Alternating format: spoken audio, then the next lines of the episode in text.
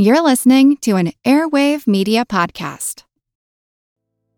Have you found the keys to unlock your best trip? On a Trafalgar tour, you unlock more than just the world.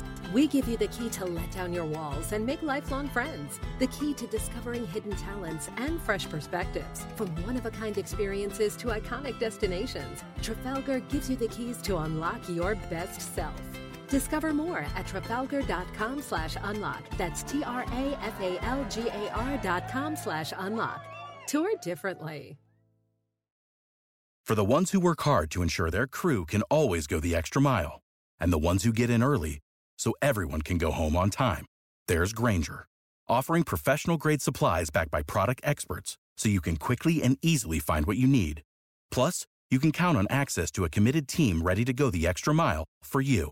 Call, clickgrainger.com, or just stop by. Grainger, for the ones who get it done.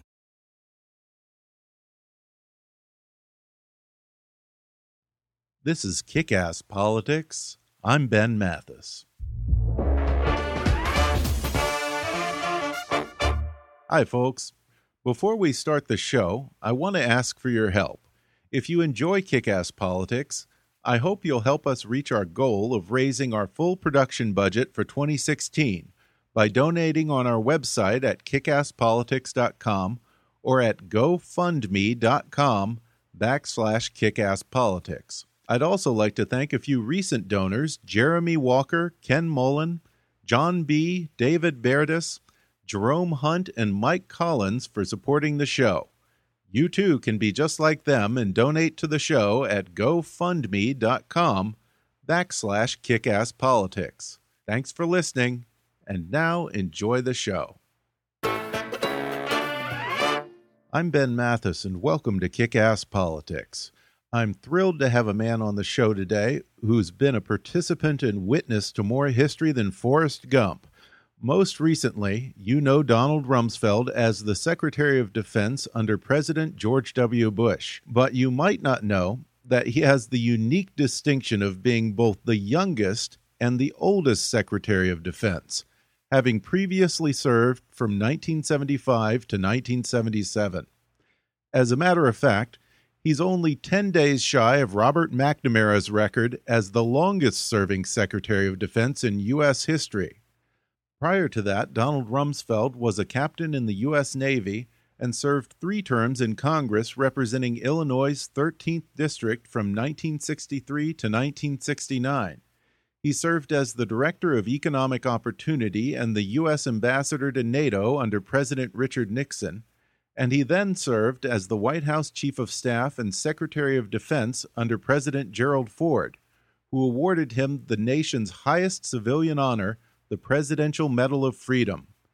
In 1983, President Ronald Reagan appointed him special envoy to the Middle East, but he spent most of the 1980s and 90s in the private sector, where he was highly successful as the chairman and CEO who turned around companies like GD Searle and Company and General Instrument Corporation.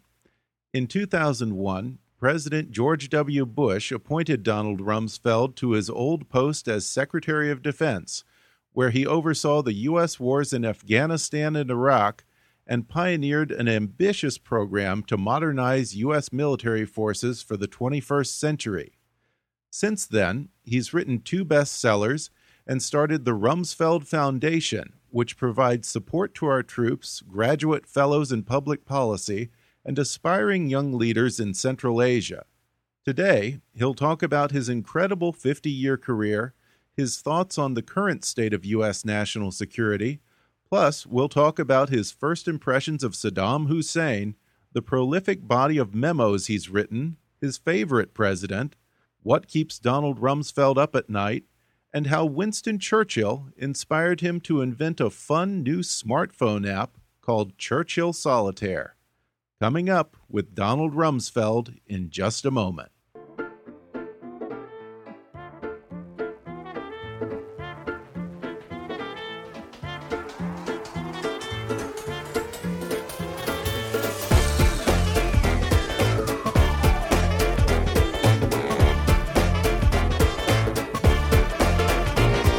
From Hollywood to Washington, it's time for Kick Ass Politics. And now here's your host, Ben Mathis. Today I'm joined over the phone by former Congressman, NATO Ambassador, White House Chief of Staff, Special Envoy to the Middle East, and two time Secretary of Defense Donald Rumsfeld. You know, gosh, with all those titles, I don't even know how to address you. Do you have any preference? in a friendly manner is best. Oh, okay. Okay. No, I don't know. I, I, you know, I when I make a reservation at a restaurant, I say it's Don Rumsfeld, okay. and uh, I'm perfectly comfortable with that. They and does anyone ever? Congressman, they used to call me ambassador. They used to call me director. They used to call me chief of staff and and secretary. I don't know. I was a chief executive of a couple of companies and did that too. well, when, when. You, well, when you're 83 years old, you you collect a lot of those labels. Yeah, and you know when you call a restaurant and make a reservation, do they ever hang up on you when you say this is Don Rumsfeld? They ever say, no, "Yeah, right"? No, they say you're kidding. okay, well that's good. You, you don't get any liberals who start lecturing you on the war in Iraq or something, do you? When you call and make a reservation? Oh, you know, maybe not when you make a reservation, but but they're in business, but they're smart. Uh, but you know, maybe one out of a hundred somebody says something occasionally, but it's very rare. Well, well, that's good. Well, you know, I started out with probably five pages of questions, you know, and I found myself having to narrow it down because you know you're one of those guys who's had such an incredible career over the years, and you have the distinction of being both the youngest and oldest Secretary of Defense in U.S. history and I'm curious because you were Secretary of Defense in 75 to 77, and then, of course, 2001 to 2006. How did the job change over that 25 year plus span? Well, I guess I'd cite similarities more than differences. Okay. In every case, the job, like the job of being president, is too big for any one person. And, and you you go into those jobs with certain strengths and and strong suits where you have experience and and you you also go in with certain short suits where you have less experience. And in every instance the task is to find people who are smarter than you are and have greater experience than you do in certain areas and and and recruit them and bring them into the activity and and then work with them and learn from them and guide and direct them towards uh, strategic directions that the president and the country have have decided are, are the appropriate ones. Yeah, and no drones back then either, huh? oh, not the first time. You're exactly right. Um, but the second time, we did a great deal. No to, drones, uh, no internet back then. well, that's right the internet, I'm told, actually began its its its earliest iteration with uh, the Defense Department back with the old DARPA, the Defense Advanced Research and Development Program. right. Well, not according to Al Gore. A, uh, a, a, process where scientists could talk to each other. That's right. That's right. The, you know, and, and the advent of, of social media changes things in terms of the enemy's ability to organize and, and recruit. Um, those things are different. When, when you have strong deterrence uh, and big army, big navy, big air force, it tends to dissuade people because the cost benefit ratio is disadvantageous to an enemy. So rather than, than threatening your big army, big navy, big air force, they tend to attack you asymmetrically. Mm-hmm. And and that's what we see there. The enemy today, the terrorists are able to to function out of ungoverned areas where their task really is not to defend real estate, which historically has been what, what the tensions have been. Second, uh, they tend to be people who don't mind killing themselves and, and think that life's the world's going to be better for them after they've killed themselves. So, so the, the respect for human life is different. But yeah. but the ability of a terrorist to attack any place, any time of the day or night using any technique uh, means that it's impossible to defend at every location against every conceivable technique at every moment of the day or night. So the, there's a big asymmetrical advantage to the attacker. Right. And and they obviously are not going to attack armies, navies, and air forces. They're going to go for soft targets, and that's that's what we see today. Uh, and they're able to, without developing uh, uh, a, a single device to attack. They can take what we develop, what the industrialized world develops, off the shelf and use it against us. So, so there's we, we, it requires adapting and altering one's approach and and and one's focus and one's priorities. Yeah, and in response to that, one of the major accomplishments of your second term as Secretary of Defense, you came out with uh, what was labeled as the Rumsfeld Doctrine, which called for high tech combat systems, reliance on the Air Force, and then small, nimble ground forces.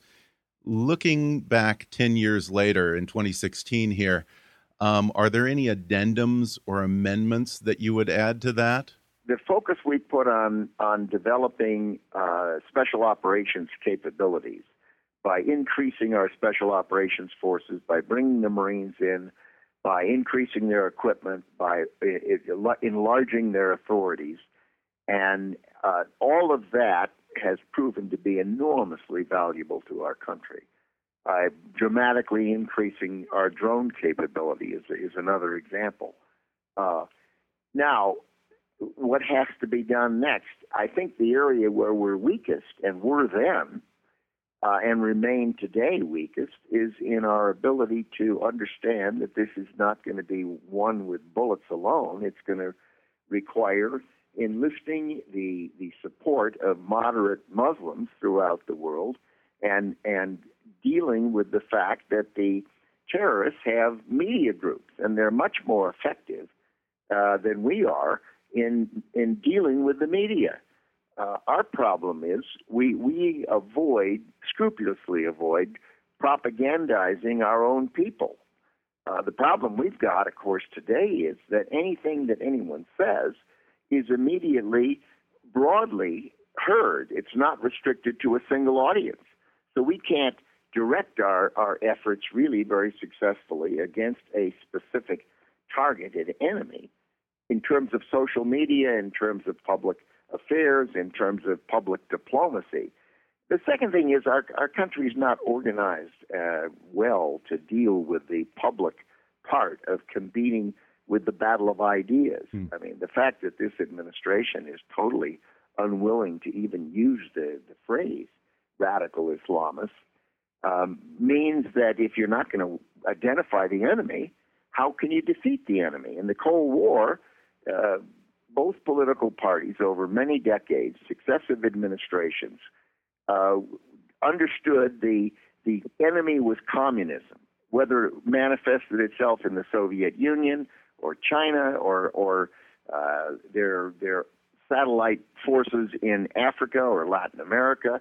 And and people there was persistence over a long period of time, and here it's been very erratic and and un unfocused and uh, I mean calling things workplace violence and being right. unwilling to thinking that we can pretend that there is not a, a radical strain in the Muslim faith that is hijacking that religion and and and being unwilling to go after that strain publicly and and organizationally and through public diplomacy uh, means you can't win. If you don't know where you're going, any road will get you there.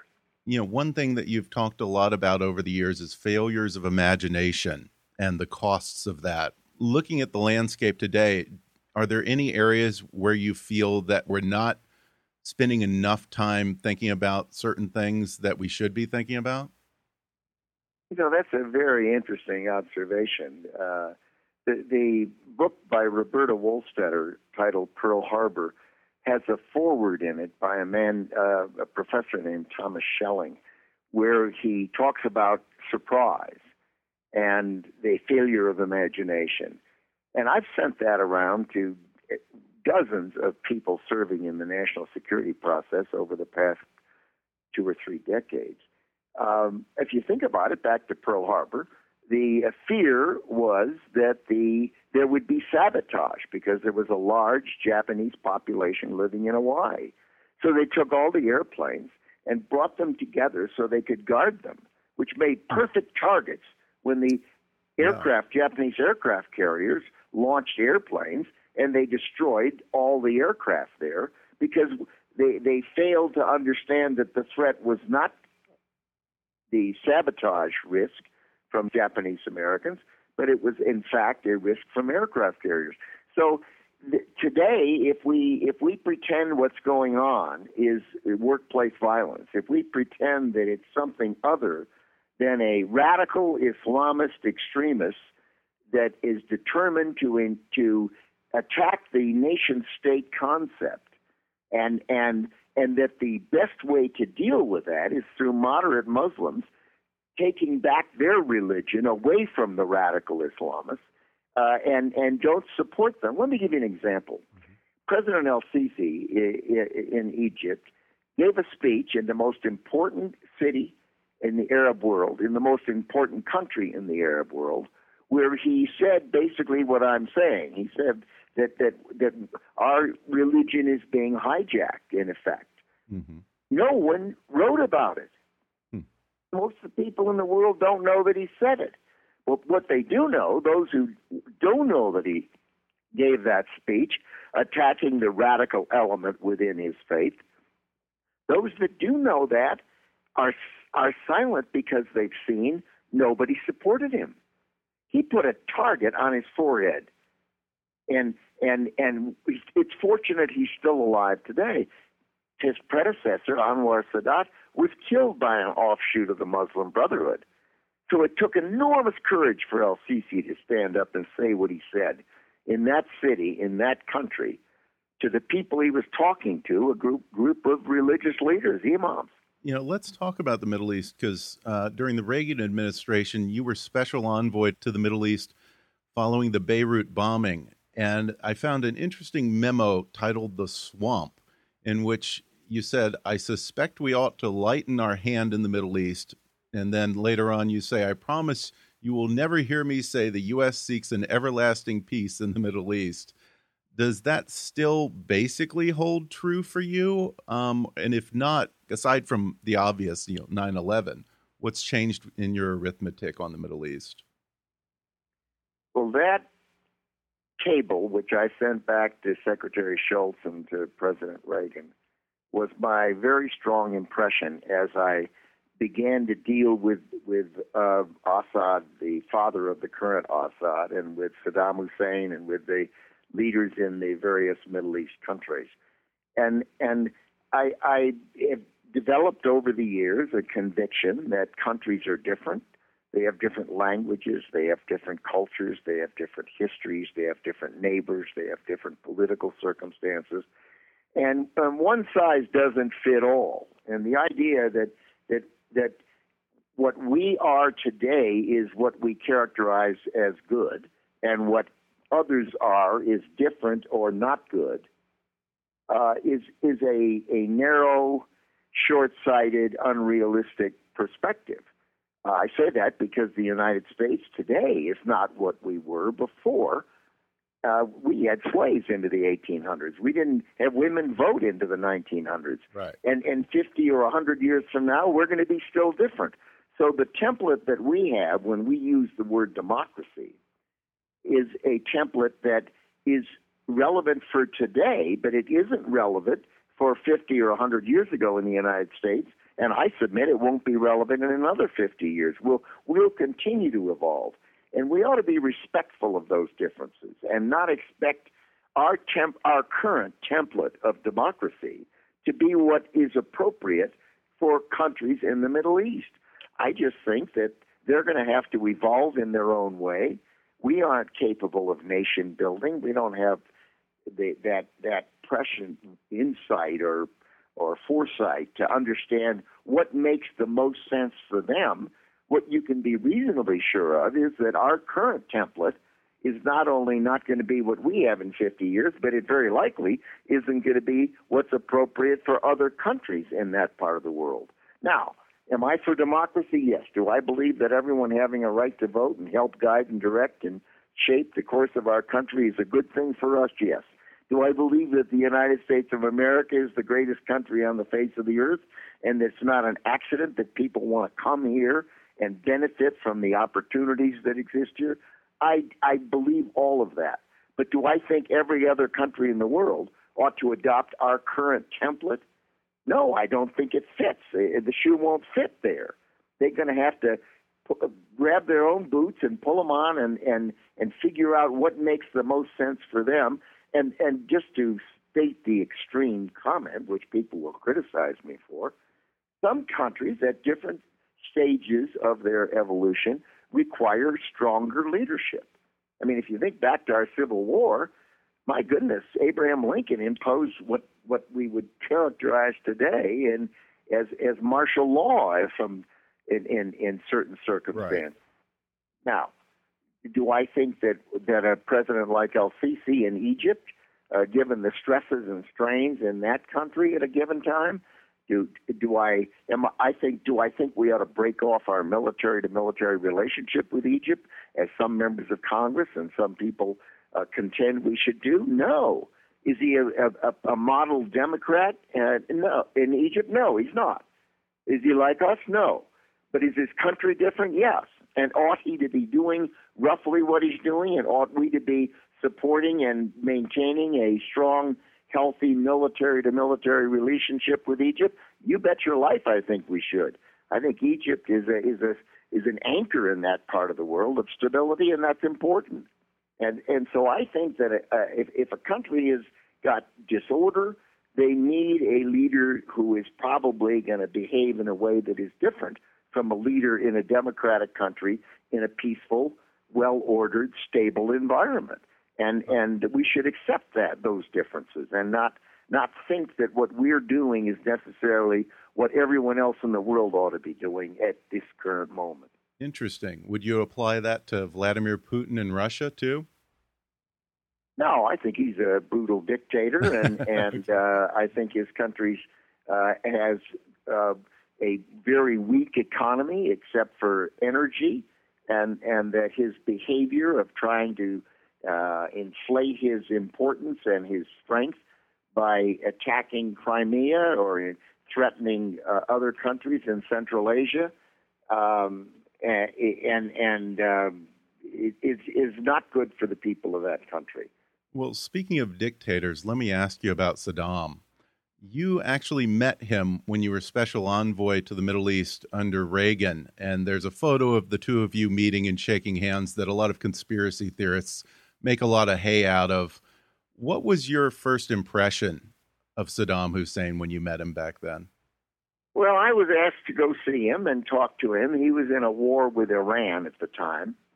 And uh, we had just gone through, you'll recall, the Iranians taking our hostage from our embassy, mm-hmm. and and uh, it was a situation where the our government felt that by talking to them and seeing that we did not have diplomatic relations and wondering if there might be a way that it would make sense for us to modify our country to country relationship. So I went in at their request and met with him. And uh, he was a obviously a brutal thug and dictator, um, and and a um, a man who ended up over time using chemicals against his own weapon as well as against the uh, correction against his own people, the Kurds, as well as against his own uh, enemy, the Iranians. And um, but but I I went in and met with him and talked to him, and and he was uh, somebody you'd want to invite to dinner. Okay. Um, going ahead to the second Iraq War, I've always wondered, and maybe you can help me with this. How come he never blinked? Well, that's a good question. And um, first of all, he did have weapons of mass destruction, and he'd used them. The former UN inspector took a team in, and with they they found the precursors that that are necessary to establishing chemical and biological weapons they found the facility still intact, and they found the cadre of people who had the capability of do it, doing it, and concluded that Iraq had the ability to reconstitute their uh, supplies of, of chemical and biological weapons in a relatively short period of time. Right. Now, why did he behave the way he behaved? I have no idea. I think he wanted to be seen as strong. He did not want to. He, he, what did he do? He stiffed the United Nations something like 17 UN resolutions. Right. uh, that where they wanted inspectors to be able to go in and check, and he wouldn't let them. Um, he, there's no question he had the stockpiles, and if he destroyed them or buried them or transferred some of them to Syria, I don't know what what he did with them, but he still had the capability to reconstitute them in a short period of time. Yeah, I, I just wonder, you know, in, in, in that guy's brain, what was it that made him say, "I'm going to take this and right up to the brink, and then I'm going to let them invade Iraq rather than sit down to the negotiating table and give up weapons of mass destruction. You know, from a, most dictators have a sense of self-preservation. You know, so you're exactly right, and and maybe he just misjudged uh, yeah. President Bush and and the coalition and the United Nations uh, attitude about his rebuffing the United Nations uh, 15, 16, yeah. 17 times. Yeah, he sure did. Well, we're going to take a quick break, and then when we come back, Donald Rumsfeld will talk about what keeps him up at night. Plus, he'll discuss the work of the Rumsfeld Foundation and how one of his personal heroes, Winston Churchill, inspired him to create, of all things, a smartphone app. When we come back with Donald Rumsfeld in just a minute.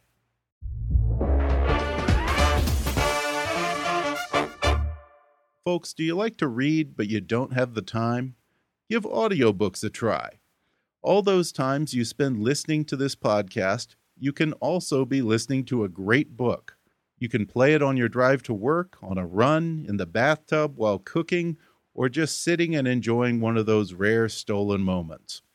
And right now, you can download any audiobook you want for free with a special promotion for our listeners from audible.com.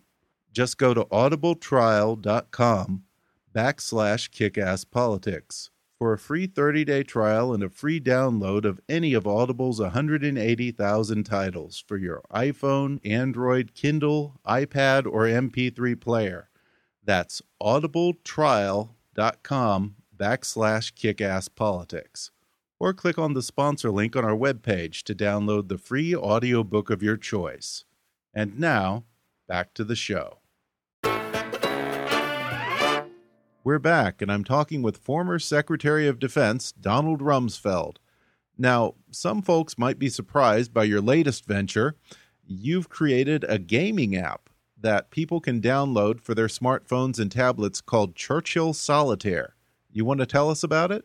No, it's, it's a terrific game. It's challenging. It's strategic. It's it's uh, a uh, vastly more difficult than than regular solitaire because it has two decks instead of one, and it has a murderer's row up at the top of six cards that need to be played on the aces, and and but it's a lot of fun. Uh, Winston Churchill taught it to this Belgian young Belgian diplomat who was in exile uh, when the Nazis occupied Belgium, and he went to England and and he taught it to me when I became ambassador to NATO back in 1973, uh, 70, I guess 72. So and oh, um, interesting. And I've played it since, and and uh, concluded that with the advent of iPads and iPhones and computers and all the things that have happened since Winston Churchill was alive, that uh, that game should not be lost to the ages. And uh, and so we put together a team of people who had the technical competence uh, to develop the um, iPad version of it. And I've been amazed what a success it's been. People enjoy it. They've yeah. Uh, hundreds of thousands of people have downloaded it. And any money I make off of it is going to military charities to support the troops and their families yeah. and the families of the fallen. And any money that the Churchill heritage people get from it will go to the supporting the Winston Churchill legacy. So it's been a lot oh, of fun. I've enjoyed it. Oh, that's interesting. So the Churchill family is is involved also. Indeed, I wrote wow. uh, Randolph Churchill, and and uh, they were very interested and eager to uh, advance the name of Winston Churchill, of course, and and the legacy of the what un, arguably was the the greatest statesman of the 20th century, and we've received uh, good cooperation from them. Um, now, did the family verify the story of uh, Churchill playing Churchill solitaire? Well, it's it's an it, there's there's articles that that report that he played solitaire a lot, Hmm. Uh, I saw a clipping from a newspaper the other day where the people on an airplane with him, after he, I believe, had an illness, uh, some pneumonia or something, and was flying from Africa back to London, and he played solitaire most of the time. Um, the the unfortunately, Winston Churchill's gone, and uh, Andre Staercke, who taught me, uh, is gone. There, there's a uh, a friend of mine, uh, the Viscount Stevie Davignon, who was also taught the game by Andre de Staercke, um, and uh, he, of course, heard the same version that I did from Andre, but um, the family uh, has been very, very cooperative with us, and well, uh, the, pe- the people who Winston Churchill's not there to say yes, that's right.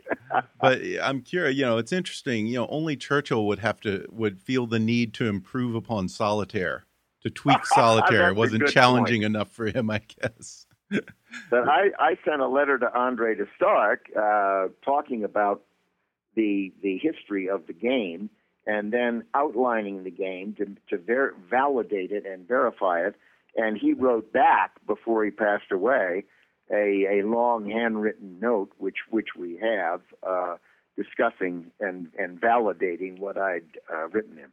Yeah, and the game's pretty fun. I have to say, it's kind of been my go-to game, and I usually don't play games on my iPhone.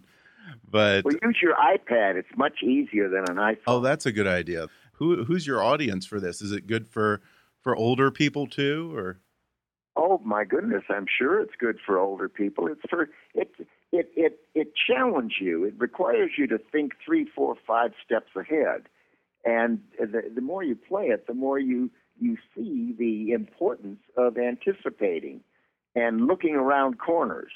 Uh, people who who like challenges, people who want to keep sharp and and uh, compete you can now compete with on the iPad. You can compete with someone else by challenging them. Yeah, that's cool. I've played with with my wife using little miniature cards, uh, and and for years before this this app was developed, and uh, we keep score. And I, I my wife would like me to to tear up and destroy the records we have, but I think I'll end up keeping them in my papers so my children can see how we did. yeah, well, you you are a quite a prolific writer of memos and record keeper. Uh, somewhere I read that you have twenty thousand memos that you wrote during your six years as Secretary of Defense, the second go around. Um, you did something pretty brave. You archived all of your memos and made them available online. And you know, for me, I'm like, what government person does that? I mean, do you ever regret that when someone comes back and says, "Well, you know, wait a minute, in this memo 15 years ago, you said dot dot dot." No, I've never regretted it. What I did was I, I we took the time, and when I wrote my memoir, Known and Unknown, we every time I mentioned a memo or a, or, or a position I had, I got the memo, and we ended up getting it digitized and putting it on a website, rumsfeld.com. And there are over 4,200 uh, documents, not pages, but documents on that public website, which supports the memos and the, the positions I took back then. Now, uh, do, do, do, over life, do you wish you'd made a different decision in some cases or said something differently? Sure but that wasn't the way it was. It was it was exactly the way I've presented it.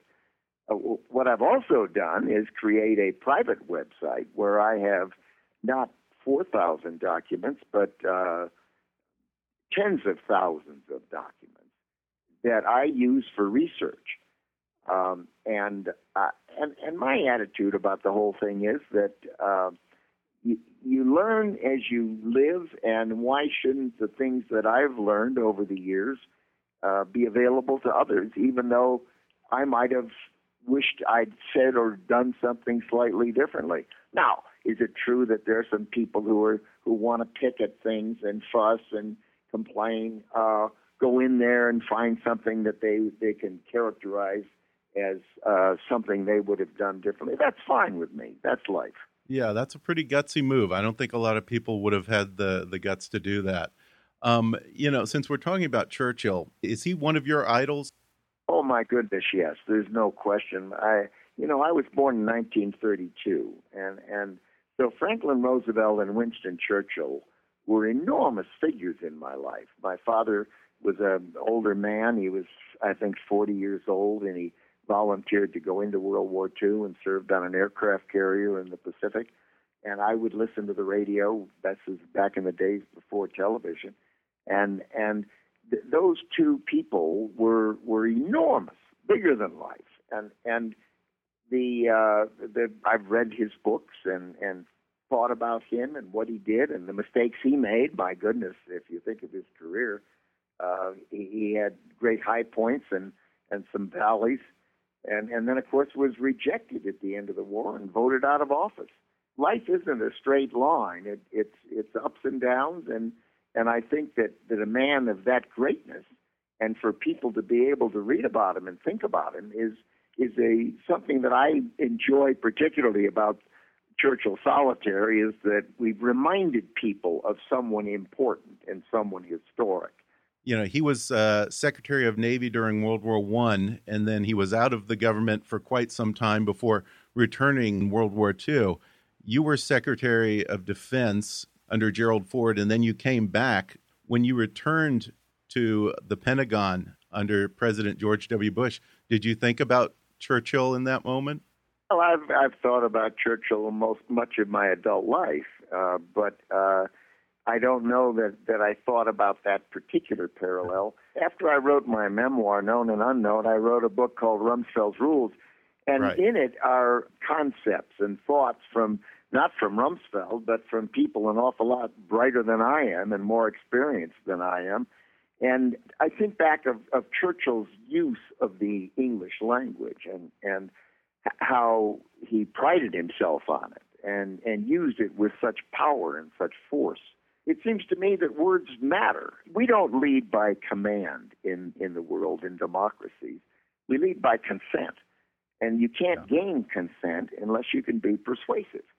And you can't be persuasive and, unless you understand your the people you're dealing with and unless you use the right words that motivate and energize and unless you're believed, which is why untruthfulness or lack of integrity is so corrosive of, of democracy.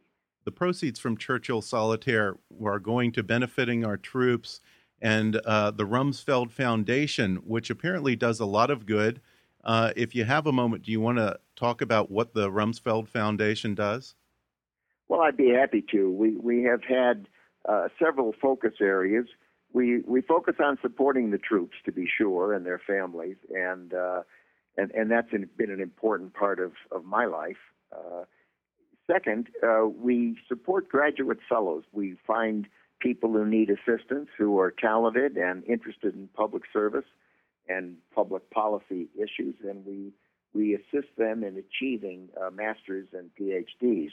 The other focus is Central Asia where where we uh, have created a fellowship program, and we bring bring people from the greater Central Asia area, Caucasus, the Central Asia, Mongolia, Afghanistan, to the United States, and and introduce them to people here who are doing important things. And what's evolved is a network of young professionals in that part of the world uh, who are able, skillful, doing things in academia, business, government, the military, which really never existed before. If you think about it, um, Russia has a strategy for Central Asia, which is not in their interest, and China has a strategy for Central Asia, which is not in Central Asia's interest. And Central Asia is really a collection of 10 countries that are not close. They don't have a lot of economic uh, trade, they don't have a lot of tourism among those countries. Uh, if you want to go from one to another, they generally go through Moscow, Beijing, or Istanbul. Um, and and what's evolving is a more of a sense of region and a, a a network of people who are kind of like our White House fellows in the United States, people who are doing important things and and advancing in their careers and it's been a lot of fun. We've enjoyed doing it. We do it with Johns Hopkins Central Asia Institute as a cooperative partner. And uh, my wife and I have, have uh, had a lot of fun doing it. Uh, yeah, and that's interesting because that's not an area of the world that gets a lot of attention. Um, what was it that made you guys decide to focus on Central Asia? Well, it's it's interesting. I had to spend a lot of time there when I was in in government, and I'm from Chicago. And when when the Iron Curtain came down, and uh, uh, we had a lot of people in Chicago from Czechoslovakia and Poland and Lithuania and one part of that that world, and uh, they had relationships and relatives and interaction and and they reached out to the people in those countries and assisted them in transitioning from authoritarian communist systems to uh, freer political and freer economic systems. But in Chicago or Pittsburgh or Detroit, we, we don't have a lot of Uzbeks or Tajiks or uh, people from Kazakhstan uh, and and or Turkmens and and so I thought to myself, well, maybe what we ought to do is find a way to assist them as they transition from former Soviet republics to freer political and freer economic systems and, and provide that link to the United States that didn't exist. As you properly point out, uh, that part of the world is not even on the radar screen over here. Most of us would have to pull out a map and say, well, where is Kyrgyzstan, for example, or where is Turkmenistan right. or Tajikistan? And uh, it's not an easy journey from communism to a freer political or freer economic system, but uh, maybe we can help smooth that out a bit for them. Yeah, and it's all the more important for someone in the West to be investing in this region and encouraging democracy because Vladimir Putin would very much like to bring these former Soviet satellite states back under his thumb. So exactly right. Well, we'll put you on our foundation mailing list, and and anyone else that would have an interest in that part of the world, uh, we'd be glad to keep them informed and and uh, add them yeah. to the mailing list. And, and it's rumsfeldfoundation.org, correct? Yes. Okay, exactly. terrific. And I also encourage people to follow up as you did and look at rumsfeld.com website because there are literally thousands of memos there that that uh, that are really part of history. Yeah, and, how many memos do you went on during that period? How many memos do you think you've written in your lifetime? Are we talking millions, hundreds of thousands? Well, when you're 83 years old, you ought to cut me some slack. That's probably okay for me to have done that. Yeah. I use yeah. the dictaphone and uh, and and dictate these notes, and I have it sitting right here on my desk, and uh, then it gets typed up and and then it gets digitized, and there it is. So you're not a big email guy then, huh? Oh, personally, no. We obviously our office uses a lot of email, and I, I if when I do emails, and I do use a computer, um, I do very short ones. Um, uh. You know, they're, my my emails are generally about four, five, or six, or eight, or ten words. Okay, and and what was it? Yeah, there was a, when you left uh, as Secretary of defense the second time around, I guess everyone used to call your memos snowflakes. I sent a, a final snowflake uh, to the people in the Pentagon, and it said, The blizzard is over. well, I'll ask you one more question. During the confirmation hearings for Secretary of Defense in 2001, uh, someone asked you a question that you said was the best question that was asked the whole time during those hearings they asked you, "What do you worry about when you go to bed at night?" I'll ask you the today the same question. These days, what do you worry about when you go to bed at night? Well, back then, I think my response was, "I worry about our intelligence." And today, when someone asks me, "What's the gravest threat facing us?" and and the naturally the things that come to mind are cyber war and terrorism and nuclear weapons and and these terrorism and these kinds of things. What really worries me though is the millions of people across the globe that are reacting and making individual decisions and the cumulative weight of all of those people's decisions things that are not reported in the press they're not on television uh, they're not dramatic it's it's the spouse of a policeman in Baltimore who goes up to her husband and says, "Look, you've been a policeman in Baltimore for 12 years. Isn't it about time we do something else?" we're not getting the support of the government. Uh, policemen are being killed. They're not receiving the kind of support they used to. Yeah. Or it's the parliamentarian in uh, the Philippines who looks at what the People's Republic of China is doing in the Spratly Islands and building a, a major port and a major airfield on a reef and and seeing that that no there's no reaction to what the People's Republic of China is doing there. They see Putin going into the Crimea and they see no reaction to Putin going into the Crimea. And and they make decisions and they decide, well, how, there's a vote coming up. Maybe I'll vote tilting towards the People's Republic of China and, instead of towards the West or towards Japan or the Republic of Korea and, and Australia and that part of the world. So the, the people are making these decisions every day, and it's it's like magnetic particles. When when you create a vacuum, you move the, you move the magnets, and all the particles move in a certain direction, and and they they. If, if we create a vacuum in the world, nature abhors a vacuum, and it gets yeah. filled, and it gets filled by people and countries and ideas and concepts and values that are not ours and not in our interest and and not supportive of the things we believe in. And so the press and the and the television they talk about the the things that happen, but they don't talk about the reaction to what's happening in the world. And because it's micro, not macro. Hmm. And I yeah. that's what worries me. And and that's what I think if if I were asked in a confirmation hearing what I worry about the most, it's it's the fact that the world is not being attentive to all the decisions that sensible people are making in the interest their interest and in the interest of their families and their businesses. Yeah, and it's a reaction to us. So if we don't lead, then we lose control of the situation, don't we? You well, bet they point the other direction, like the, the magnetic particles, instead of moving towards the United States yeah. and being interested in in what we recommend or what we favor or what we're trying to lead in a certain direction. They they go in the other direction because they see the they look at the United States managing its economy on a failed model, hmm. and wow. they have to conclude that the United States in 10 or 15 or 20 years is not going to be what it was in the last 10, 15 or 20 years. Yeah.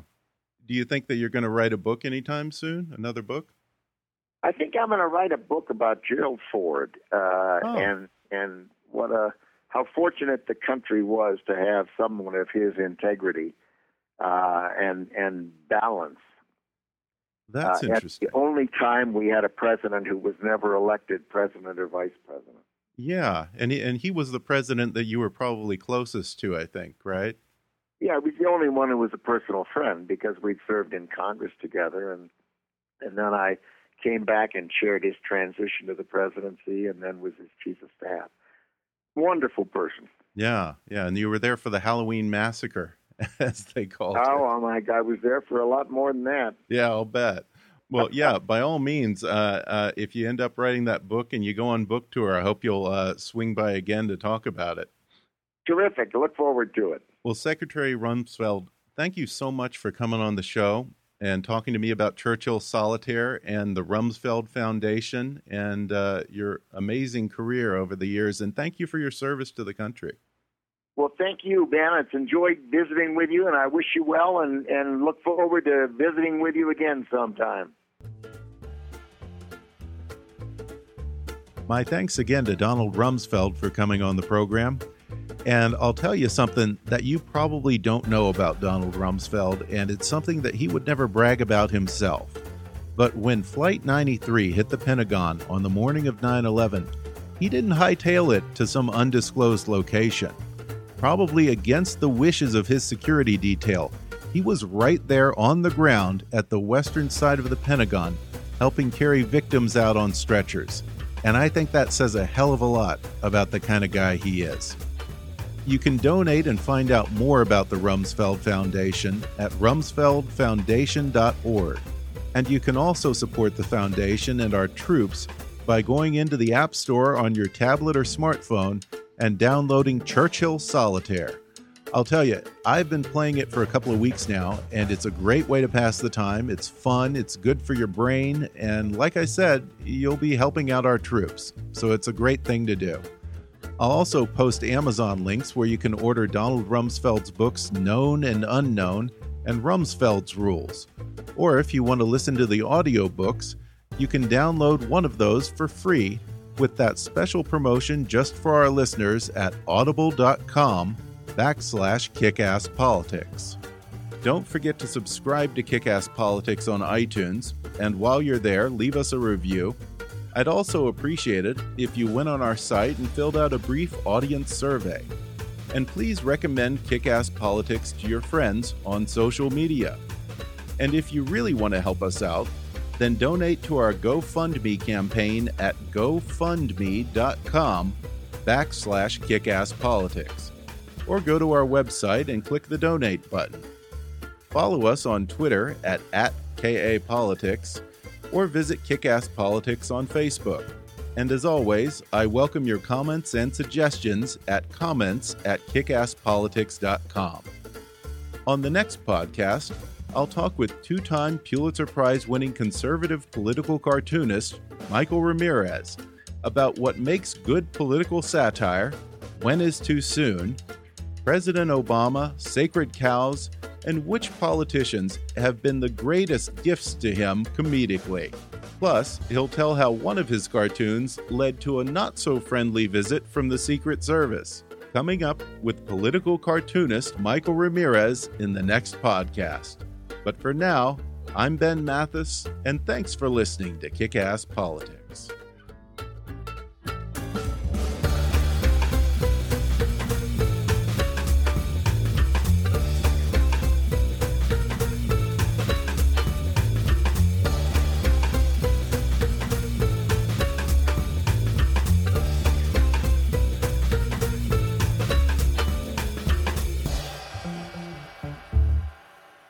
This podcast may not be reproduced without express written permission. Kick Ass Politics is a trademark of Mathis Entertainment, Inc.